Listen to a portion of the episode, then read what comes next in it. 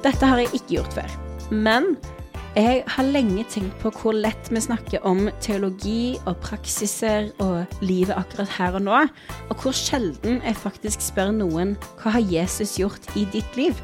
Derfor så hadde jeg veldig lyst til å lage en miniserie hvor vi snakker om nettopp dette her, og jeg ber gjestene mine om å fortelle meg om Jesus. Fortell meg om hva han har gjort i deres liv. Fortell meg om eh, hva vitnesbyrd de har, hva gjennombrudd de har opplevd, og hva de har virkelig lært som vi andre kan ta lærdom av. Og da er det veldig bra at min første gjest er en av de klokeste damene jeg vet om, Lotte Pedersen. Lotte har jeg kjent i mange år, og hun er ei dame som har bein i nesa. Hun er utrolig klok. Uh, hun er veldig vittig, syns jeg. Det er ingen jeg ler så høyt med, tror jeg, som Lotte Pedersen. Uh, og ikke minst er hun pastor i Pinsekirka sentrum. Hun er et navn som mange kjenner til. Men det jeg syns er mest spennende med Lotte, er at jo mer jeg finner ut om hun, jo vakrere blir hun i mine øyne. Jo mer eh, respekterer jeg hun og hennes tro, og jo mer lærer jeg om Jesus.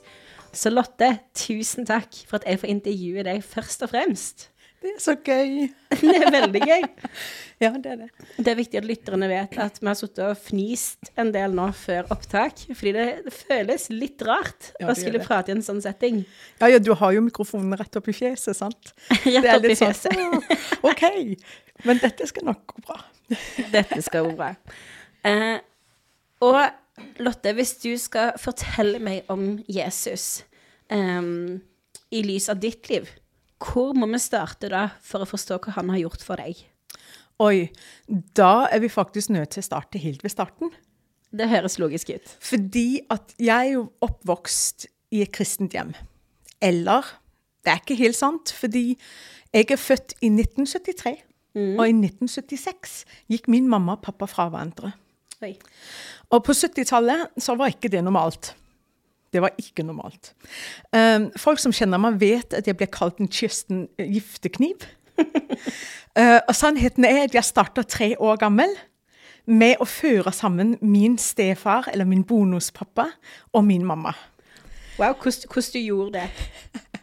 Det var rett og slett fordi jeg hadde en dagpleiemamma som jeg gikk hos. Og naboen hennes, han het Jørn. Og han var den skjønneste mennesket på to bein. Så hver gang han kom på besøk, så ville jeg slenge meg rundt beina hans og sa 'Det er min Jørn! Det er min Ja. Jørn!' Og mammaen min hun la merke til hvor glad jeg var i han. Og derfor begynte hun å bli kjent med han. Og så viser det seg da, i 1976, der frier hun faktisk til han. Og det var i hvert fall ikke normalt på 70-tallet. Um, så det var første gangen jeg lekte Kirsten Giftekniv, liksom. Og så fikk du det så bra til. Jeg gjorde det. Du har jo fortsatt karrieren. Man kan jo påstå at du var Kirsten Giftekniv i mitt og min mann Fredrik sitt liv også. Så det her har virkelig vært et kall fra starten av det der. Men det det var da, det var mammaen min, hun var, hun var kristen. Ja. Og min bonuspappa, han var vokst opp i kristent hjem, men han, var, han hadde forlatt kirka. Og mammaen min sa til han, hvis du og jeg skal være sammen, så må vi til kirka. Wow. Så mammaen min hjalp faktisk min pappa tilbake til troen på Jesus. Og ut ifra det så har jeg så vokst opp fra jeg var tre år gammel i et kristent hjem. Eh, Mammaen min var ikke helt sånn som alle andre, hun var ikke A4. Um, så vi hadde et veldig åpent hjem. Um, og jeg lærte Jesus kjærlighet å kjenne gjennom henne.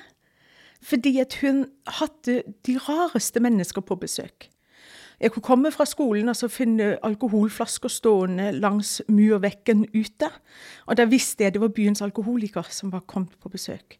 wow. En annen gang jeg kom hjem, der satt det en vagabond uh, i forhagen. Hadde slått opp teltet og kokte kaffe på primus sammen med hunden sin. Uh, og jeg måtte liksom 'Mamma, hvem er det som sitter i hagen?' Og hun bare 'Vet du hva, de var så fole med han, de var så slemme med han. Jeg har invitert ham hjem og bo i hagen.' Så hver sommer i fem-seks år så kom han og bodde i hagen vår.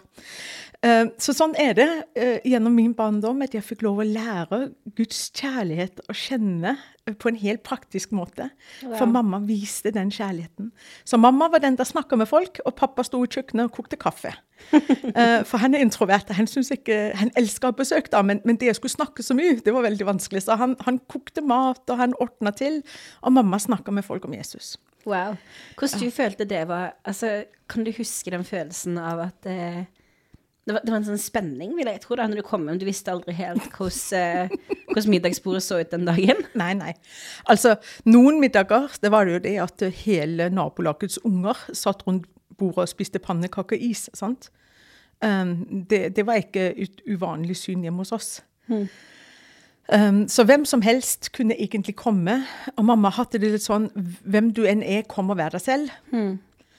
Uh, og det gjorde de. Altså, Vi hadde jo en ung mann som kom på besøk, og han kjente jeg godt. Og han hadde veldig gule tenner. da.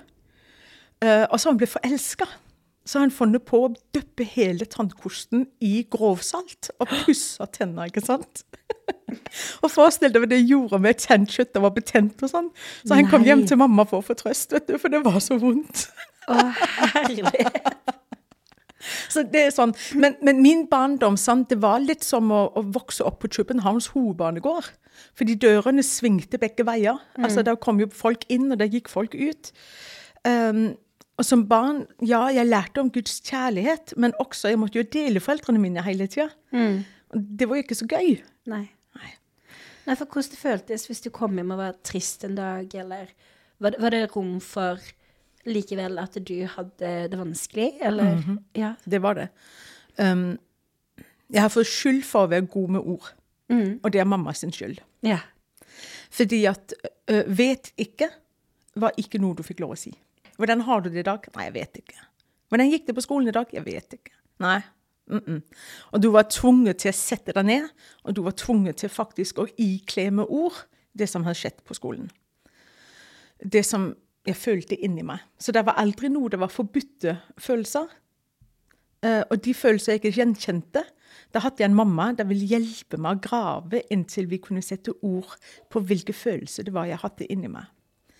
Og det viste seg å være veldig viktig for meg, fordi at eh, jeg jo vokst opp i en barndom, i en ungdom, med mye mobbing. Så det å kunne sette ord på Hva er det for noen følelser jeg bærer på inni meg? Og hvor kommer de følelsene fra? Det blir jo veldig viktig i en sånn sammenheng. Men jeg tror vi skal fram til jeg blir elleve år gammel. Altså, jeg har jo gått i kirka hele livet mitt. Jeg har gått på søndagsskole. Jeg har hørt om Jesus hele tida.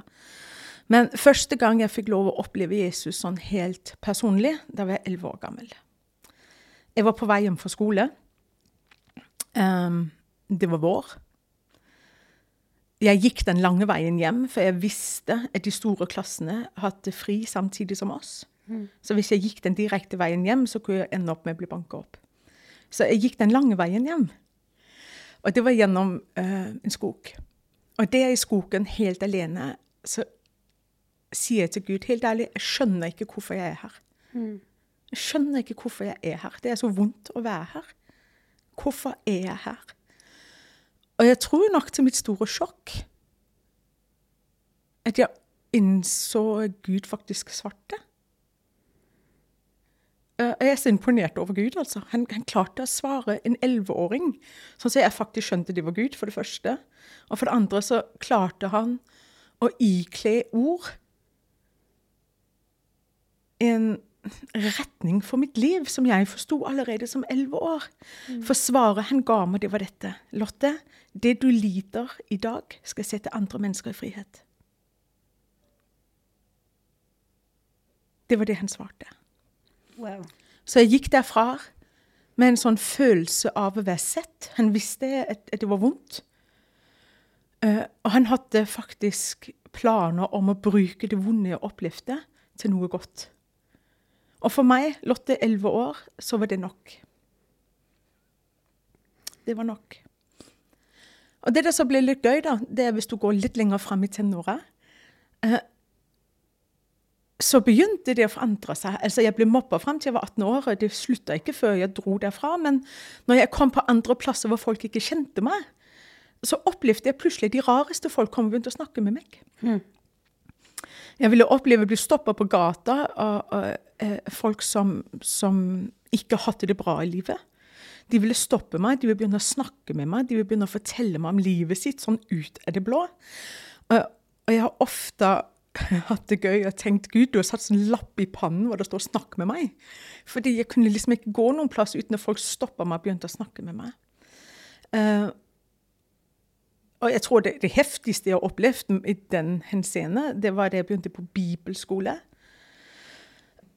Der var det plutselig en dame, vet du, jeg har sett henne én gang. Og hun bare hiver meg inn i rommet sitt, lukker døra, så sier hun på meg og sier 'Jeg skal bekjenne min sønn til deg'. Og jeg var bare 'Du skal hva for noe?' Det er sånn, Hva du vil jeg skal gjøre med det? Wow. Hvor den bibelskolen her var? Det var i Danmark. Ja, For det føltes uh, utprega lite norsk. Nei, det, det, det var faktisk tysk. Det var Hun var tysk, tysk dame. Og jeg ble jo så sjokkert, vet du. Så at, eh, ja, som elleveårig så begynte Gud å lekke noe i hjertet mitt da, Ja. for framtida. Husker du, husker du hva du følte på? Eller hva du tenkte? Altså, var det bare Det det er jo kanskje vanskelig å sette ord på, men som elleveåring i den skogen Altså, hvordan, skjøntes det vendepunktet? Jeg skjønte ikke det var vendepunkt. Nei. Skjønner du? Det eneste jeg skjønte, det var at veien hjem, som egentlig var grusom, ble til hellig grunn. Hmm. Det skjønte jeg. Jeg skjønte at Gud hadde talt til meg. Uh, og jeg skjønte på et vis at det var et kall. Jeg følte meg kalla. Og fra den dag av så søkte jeg å hjelpe folk det jeg kunne. Fordi at jeg skjønte at Gud hadde lagt noe i meg um, som handla om andre folk. Wow. Og det tror jeg jeg kan si med hånden på hjertet, at det har jeg levd etter like siden. Det synes. Absolutt. Den mobbeveien ble hellig grunn. Det er stort. Det er stort. Og så syns jeg det er veldig um, gjenkjennbart det du sier, med at man ikke alltid ser at det er et vendepunkt. For man må jo gå i det for at man snur seg. Det, det tror jeg er vanskelig å holde fokus på. Jo, fordi når du har det vondt, så er det det der skriker høyest. Ja. Sant? Um, og jeg tenker sånn er det. Om det er bekymringer, om det er smerte, om det er motgang. Um, faktisk om det er medgang, og ting går bra, så er det det der skriker høyest i livet vårt. Hvis vi tillater det, så er det det der, der råper høyest. Det er det der letteste å få, få syn på. liksom. Ja. Så når Gud han kommer og begynner å hviske noe til oss, det er faktisk å ture og tro. Ikke bare at det er Gud der hvisker, men faktisk ture og tro på at det er et kall for framtida. Det krever litt, og det, det, det handler om å holde fast. Hvis vi da spoler fram Jeg blir jo veldig nysgjerrig på hun tyske dama som drar deg inn på rommet sitt. Hva gjorde du da? Altså, vet du hva? Det er så morsomt, fordi jeg tenkte bare OK, Jesus, hva er det du sier i ordet ditt? Å nei, hva er det der sier i Bibelen? Det er et eller annet med at når vi bekjenner våre synder, så er Han tålmodig og, og, og god med oss og, og tilgir. Det er et eller annet sånt, sant? For jeg kunne jo ikke min Bibel noe særlig godt. og det var bare sånn, Jeg så på denne damen og sa vet du hva? Nå har du bekjent sønnen din overfor meg. Nå bekjenner du den overfor Gud. Og så sier Bibelen han skal tilgi deg. Come on. Sant? Så kan du gå herfra, og så er du tilgitt. Og så må du ta imot tilgivelsen. Ikke ha dårlig samvittighet mer. Nå har du sagt ifra. Nå har du lagt det over. Og så sendte jeg hos deg igjen. Så du, så du hun etterpå? Ja, ja, ja. Vi ble gode venner. Fantastisk. Ja, det er det. Og det var ikke sånn liten ting heller, skjønner du. Nei. Det, det, var, det var liksom ordentlig. Det var sånn at Lotte sto der med store øyne, liksom. Det skal ganske mye til å sjokkere meg. Men Lotte sto der med store øyne og tenkte Å, hva gjør jeg nå? Ah, det er morsomt. Ja, men eh, det er ingenting som en mørk hemmelighet til å danne et vennskap, hæ? Kan du si. Wow. I know. Det er sprekt og veldig gøy. Men bibelskolen videre, altså Hva, hva skjedde Altså, jeg vil si det sånn, før, og det er jo dette der gjør det ekstra gøy, da. Fordi før jeg dro på bibelskole, det hadde jeg faktisk noen frafallende år. Um, det der er så vanskelig med mobbing, og som jeg tror vi ikke helt forstår, det er hvor skadelig det er. Jeg tror ikke helt kanskje samfunnet nå begynner å skjønne uh, overflata og hvor vanskelig det er. Men, men, det med mobbing er ganske heftig. Um, og for meg så ødela det sjøltilliten min totalt. Um, jeg har hatt en kirke jeg gikk i. Jeg elsker den. Altså Stort shout-out til alle som har ungdomsarbeid rundt omkring uh, i, i, landet vårt, altså. Fordi det ble hele min fundament med Jesus. Det var det å begynne i ungdomskoret, å begynne i en ungdomsforening hvor jeg fikk prekt Jesus hver søndag. Men de bygde også samfunn. Sånn så vi var en vennegjeng. Og det bygde hele mitt fundament. Men da det fundamentet smuldra, for det gjorde det dessverre, da kasta det meg ut i eh, Ikke tvil på Gud, fordi at jeg lengtes etter han hele tida, men, men, tvil på mennesker. Mm. Mm. Um, så jeg forsvant ut i verden, for å si det på en sånn kristen måte. jeg er ut i verden med meg, ut og prøve å, å både drikke alkohol og ha sex med folk. og Det var hele pakka, altså. Jeg, jeg dro det fullt ut. Uh, og hadde det elendig. Altså, jeg tror aldri i mitt liv jeg har hatt det så elendig som det. Wow. Uh, så han, min bonuspappa han ringer meg en dag. Og det er det med han. Han har aldri bedt meg om noe. Jeg har ikke vokst opp i et hjem hvor det var mye krav, eller folk de ba meg om ting hele tida. Nei, eh, jeg har vokst opp i et hjem hvor jeg fikk frie tøyler, hvor det var eh, tilliten som råla. Det vil si, hvis du bryter tilliten, det er nesten verre enn å få kjeft. Hmm. Fordi de hadde så stor tillit til oss. Ja. Og det gikk den andre veien når vi har stor tillit til våre foreldre. Sant? Så når han ringte meg en dag og så sa han, Lotte jeg har funnet en bibelskole, og for min skyld er ikke du snill å dra. Hmm. Jeg skal si det, Lotte er 21 år. Altså, Det smelta hjertet mitt, for han har aldri bedt meg om noe. Hmm. Så faktisk så dro jeg dit på grunn av han. Så jeg var frafallen. Jeg har ikke vært i kristne sammenhenger på flere år. Kom opp på bibelskolen. jeg røyker. Fikk jeg vite første dagen nå er det slutt med røyken. Sant? Man skriver under på dokument. Yeah. Nå er det slutt med røyken. Herlighet, altså. Um, og så ble jeg kasta rett inn i Guds nærvær.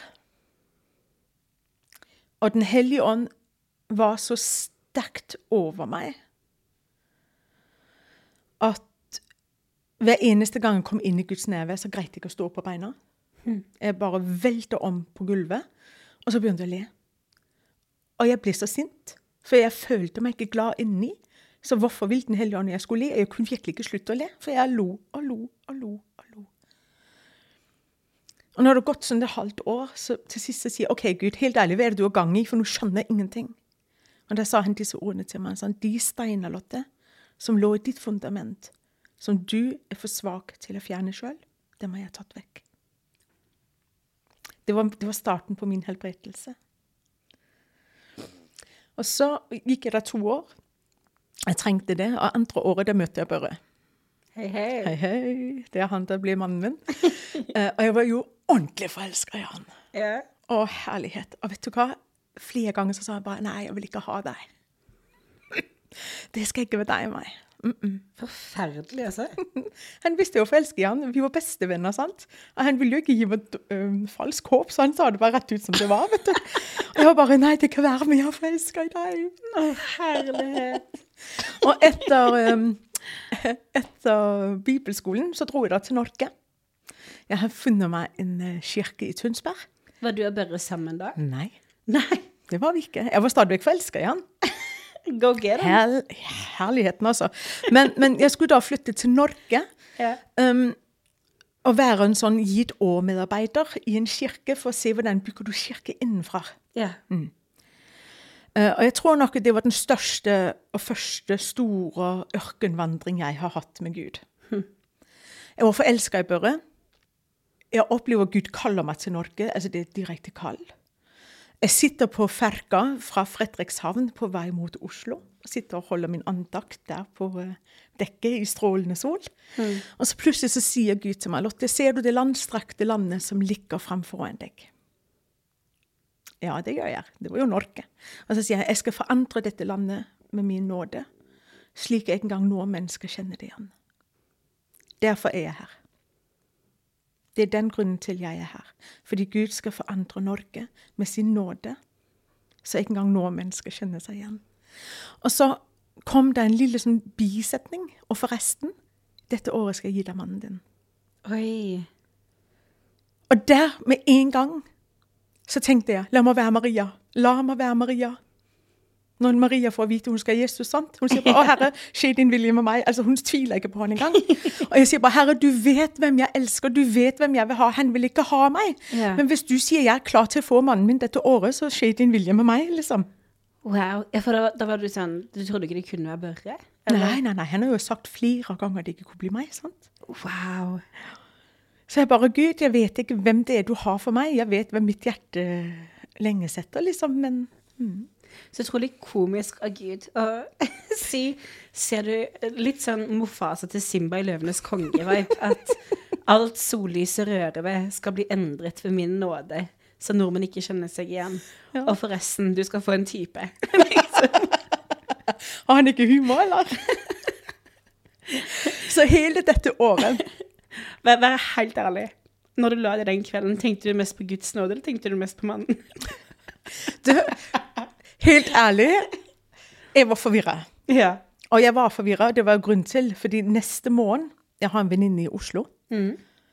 Uh, hun henta meg på båten. Og det var veldig hyggelig. Faktisk, Det var om kvelden hun henta meg. Neste morgen når jeg våkna, så står Børre sånn rett opp i fjeset på meg og sier god morgen. Så har han altså tatt nattbussen hele veien fra Ålesund til Oslo for å ønske meg Å, velkommen herlighet. til Norge, sant? Um, og den dagen så er jo helt forvirra. Ja, ja. For Gud har sagt jeg skal få mannen min og sånn. ja. Um, og så sitter Kristin, heter hun da. Kristin og Børre sitter og prater sammen i dag. Og jeg sitter liksom sånn litt fra han, sånn som jeg gjør med deg nå.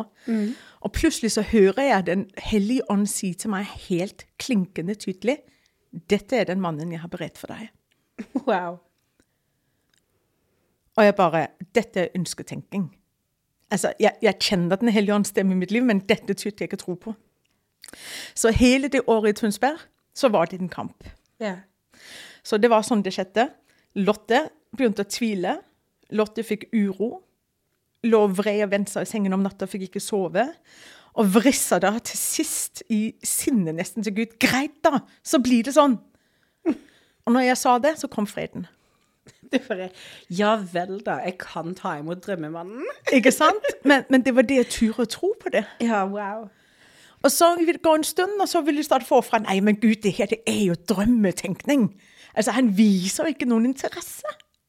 Og så vil jeg slåss med det igjen, inntil Gud så sier Lotte, OK, da. Og så kom freden. Men når ble det dere? Jo, det der skjedde, det var jeg var på et møte i Tønsberg. Ja. Og plutselig så er det en mann som reiser seg opp og profeterer, og så sier han det sitter et menneske her som har satt et menneske i Guds sted. Du er nødt til å omvende deg. Wow. Og jeg reiste meg rett opp av den stolen, gikk fram og sa det er meg. Jeg omvender meg. Og så ga jeg Gud et løfte. Kjære lytter, vær forsiktig med å gi Gud løfter. Fordi du må faktisk, du må faktisk innfri de. Så sa jeg til Gud, helt greit. I morgen så ringer jeg Børre, og så sier jeg dette til han. Enten så blir vi sammen, vi forlover oss, og gifter oss, eller også er dette vennskapet over. Så legger jeg meg. Lørdag morgen våkner jeg. Dette skjedde en fredag kveld. Ja. Så tenkte jeg, Gud, er jeg nødt? Ja, jeg er nødt. OK. Stå opp, ta telefonen. Og ringer han, og så sier du bare Sannheten er det, hvis du ringer meg i morgen og sier du har fått en kjæreste, så blir jeg veldig, veldig lei meg. Fordi jeg er forelska i deg. Men her er greia. Jeg kan ikke gå sånn lenger. Så enten så blir vi sammen, vi forlover oss og gifter oss, eller også er dette vennskapet over. Og Børre, stakkar, han ble jo helt perpleks i den andre enden. Han bare 'Jeg er nødt til å tenke.' Og så hang han opp, så la han på. Og jeg tror kanskje at det var det verste døgnet jeg har hatt. ja, det tror jeg så gjerne. Og så plutselig så ringer han så dagen etter og så sier han til Lotte nå har jeg snakka med Jesus, og jeg har gått tur. og Sannheten er det, du har alle de kvaliteter jeg vil kona mi skal ha. Men jeg er ikke forelska i deg nå, så du er nødt til å vente på meg. Og tenk, jeg var så tøff, vet du. Jeg sa til han, jeg skal vente på deg, men jeg venter ikke for evig. Nei, come on. Sant? Det er girl power på sitt beste. Ja. Og så gikk det noen måneder, da. Gikk det noen måneder?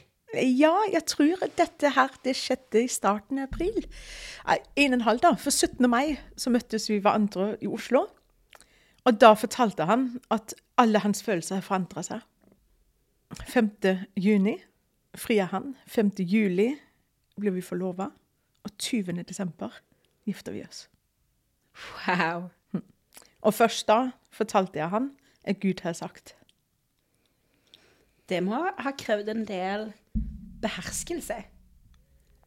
Jo, men vet du hva? Vi kan ikke manipulere mennesker Nei. med hva Gud har sagt til oss. Og i denne sammenhengen her, så vil det være manipulasjon. Fordi det er sånn helt ærlig, Hvis ikke du skjønner det, så må jeg bare fortelle deg Gud har altså sagt det. Sant? Det nytter ikke noe at Gud har sagt det til meg, hvis ikke Gud sier det til han. Det er noe med det.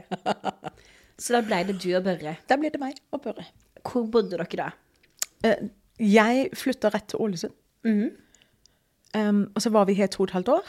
Og så flytta vi til Australia.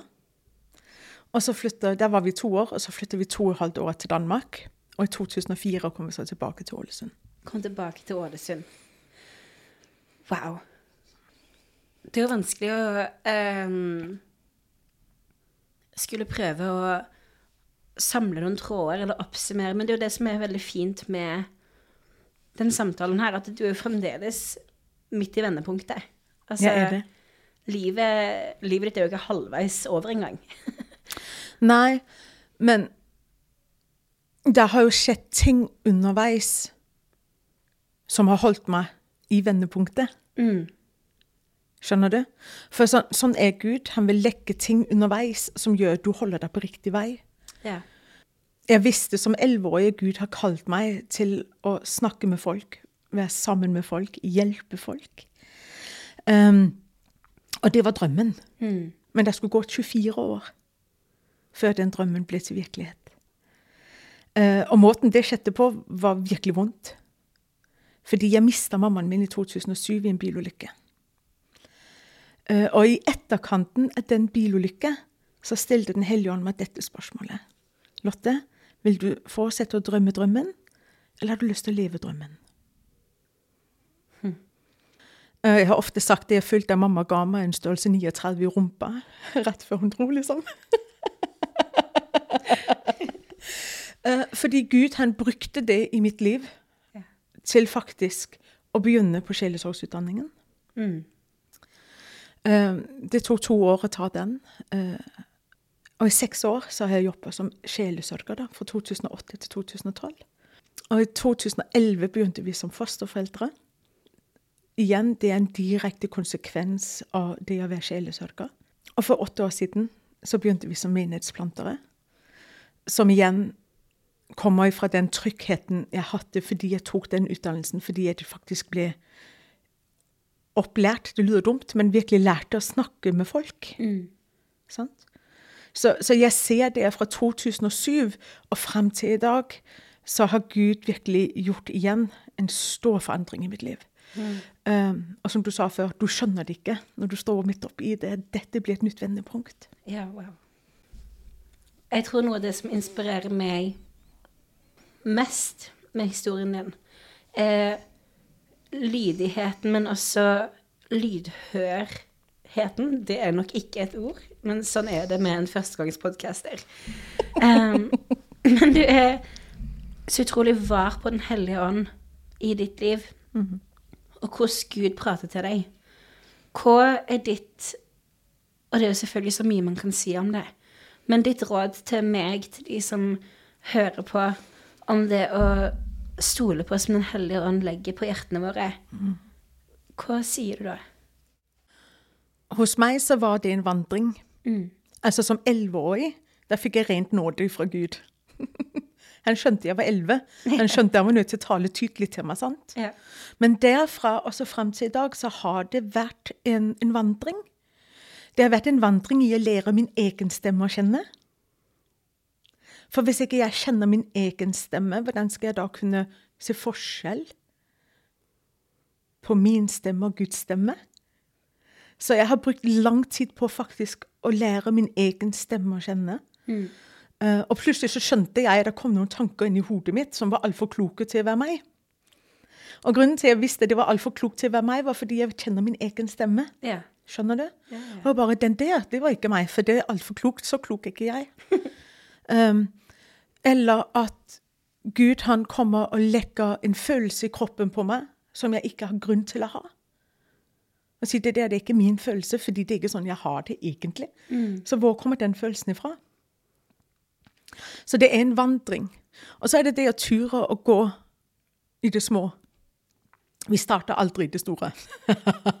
jeg kan bare si det, Vi starter aldri i det store. Start i det små. Veldig bra. Start med å lære Guds, kjenne, uh, Guds stemme å kjenne i de små tingene. Og begynne å lyde Gud i de små tingene. Um, en av de små tingene det var faktisk på bibelskolen. Der kom en gutt gående inn i klasserommet, og jeg så den gutten. Og bare ut av ingenting så tenkte jeg han har hodepine. Og så sto jeg og tenkte litt, og så tenkte jeg hm, hvordan vet jeg han har hodepine? og så tenkte jeg hei, det er egentlig en veldig grei ting, for jeg kan gå og spørre han om han har hodepine. Så jeg gikk til David og så sa David, har du hodepine? Og David så rart på meg og sa ja, hvordan vet du det? Så sa jeg hm, det må jo ha vært Den hellige ånd som fortalte. Og så ba jeg for han og hodepinen for sant. Men det var en liten ting på den måten å forstå. Du kan faktisk sjekke det før du gjør det. Eller Gud kan si, Lotte, Mm, det skjedde faktisk i Australia. Jenta der har ingen mat. Jeg vil at du skal gå ned på butikken, og så skal du kjøpe mat til henne. Og så sier jeg OK, men da må du vise meg hva jeg skal kjøpe. Så jeg tok vogna, og for hver ting jeg trilla forbi, om jeg følte jeg skulle ta den eller ikke, så tok jeg den eller ikke. Så tok jeg posene, gikk opp i kirka og ga henne maten. Og hun begynte å grine, fordi oppi de posene der det lå absolutt det hun trengte. Wow. Men på vei ut så følte jeg jeg skulle kjøpe en pakke tyggis. Og det var den ene tingen hun ikke trengte, det var tyggisen. Og det var egentlig den der ble beviset på Guds kjærlighet for henne. Wow. Skjønner du? Det, det, er noe med det å gjøre det i det små. Uh, gjøre gode gjerninger når vi føler oss prompta til det. Mm. For når vi faktisk tør å begynne på det, så øker det. Fordi at når vi begynner å lyde i de små tingene, så vil det vokse seg til større ting. Mm. Jeg tenker jo, jeg har lyst til å spørre alle gjestene mine på slutten av samtalen et litt sånn klisjéspørsmål, kanskje, men veldig viktig å gi anledningen til å svare på også, tror jeg. Hvis ikke så klipper det ut, så hører jeg ikke litt om det.